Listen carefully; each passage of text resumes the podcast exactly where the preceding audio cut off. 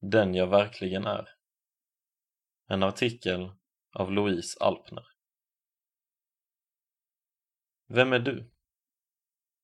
Hos mig väcker frågan en viss ångestkänsla. Hur ska jag kortfattat kunna sätta ord på vem jag är? Mitt namn, min ålder, min sysselsättning. Är det den jag är? Eller det jag är bra på? Det jag uppnått? Eller det andra säger om mig bakom min rygg? Gud säger något annat. Du är min. Jesaja kapitel 43, vers 1.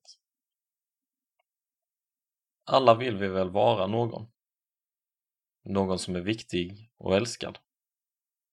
Den längtan är något gott som Gud har lagt ner i oss för att vi ska söka oss till honom. För han är den enda som på djupet kan möta den längtan.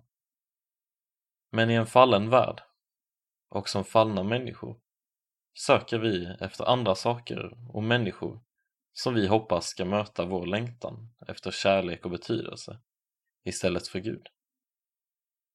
Vi söker efter status. Att få vara stor, omtyckt eller betydelsefull i andras ögon. Hur når man hög status i dina kretsar?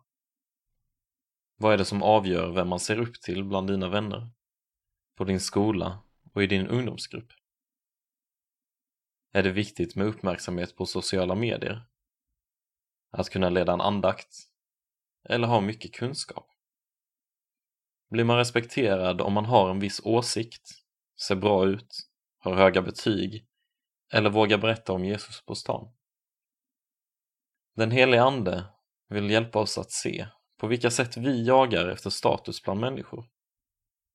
För han vill visa oss något bättre. Han vet nämligen hur ihåligt det är att lägga för stor vikt på status bland människor. Stabil grund Jesus berättar om två män som byggde varsitt hus med olika motståndskraft mot storm. Se Matteusevangeliet kapitel 7, vers 24 till 27. Huset på sanden rasar medan huset på klippan stabilt står kvar. Liknelsen handlar om att den som bygger sitt liv på Guds ord har något att stå på även när omständigheterna blir oroliga. Den som däremot bygger sitt liv på andra saker, till exempel status bland människor, kommer att vackla eftersom allt annat än Gud förändras och kan försvinna. Om jag ser på mig själv som om jag är personen som är grym på gitarr och kan få vem som helst att skratta och det sedan förändras så vet jag inte längre vem jag är. Men ser jag på mig själv som att jag är Guds barn så finns det ingen som kan ta det ifrån mig och rucka på min identitet. Synd. Att sätta sig på Guds plats. När Eva och Adam åt av frukten i lustgården så var det för att de ville vara Gud. De ville sitta på tronen, döma mellan gott och ont och vara upphöjda.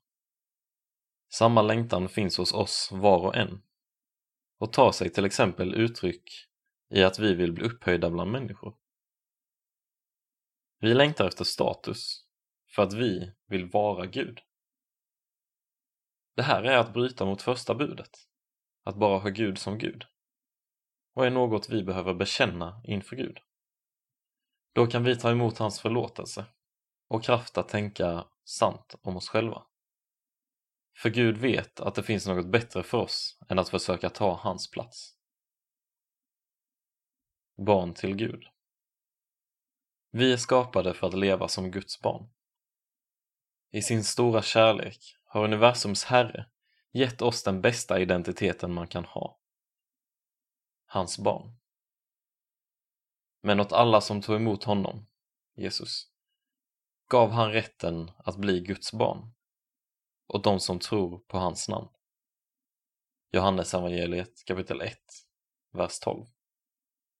Det är kungabarn vi är kallade till att vara. Och på grund av Jesus död på korset finns inga hinder för oss att ta emot barnaskapet. Vi får vara Guds älskade barn och se på oss själva så, även när vi faller gång på gång. För Gud, som är den perfekta föräldern, har hur mycket förlåtelse och tålamod som helst och hans famn är alltid öppen för oss. Ett nytt sätt att tänka. Medvetenheten om att vi är Guds barn, mer än vi är något annat, kan förändra tonen i en mängd olika situationer i vardagen. Vi kanske misslyckas, framstår som dåliga eller väljs bort. Då kan vi påminna oss om att vi är Guds älskade barn och be Gud att hjälpa oss att se hur allt annat bleknar bort i jämförelse med det. Vi kanske presterar på topp, får beröm eller blir andras förebilder. Då kan vi vara glada för det. Men samtidigt påminna oss om att vi är Guds barn och be Gud hjälpa oss att se att just det är ännu mer värt att vara glad över.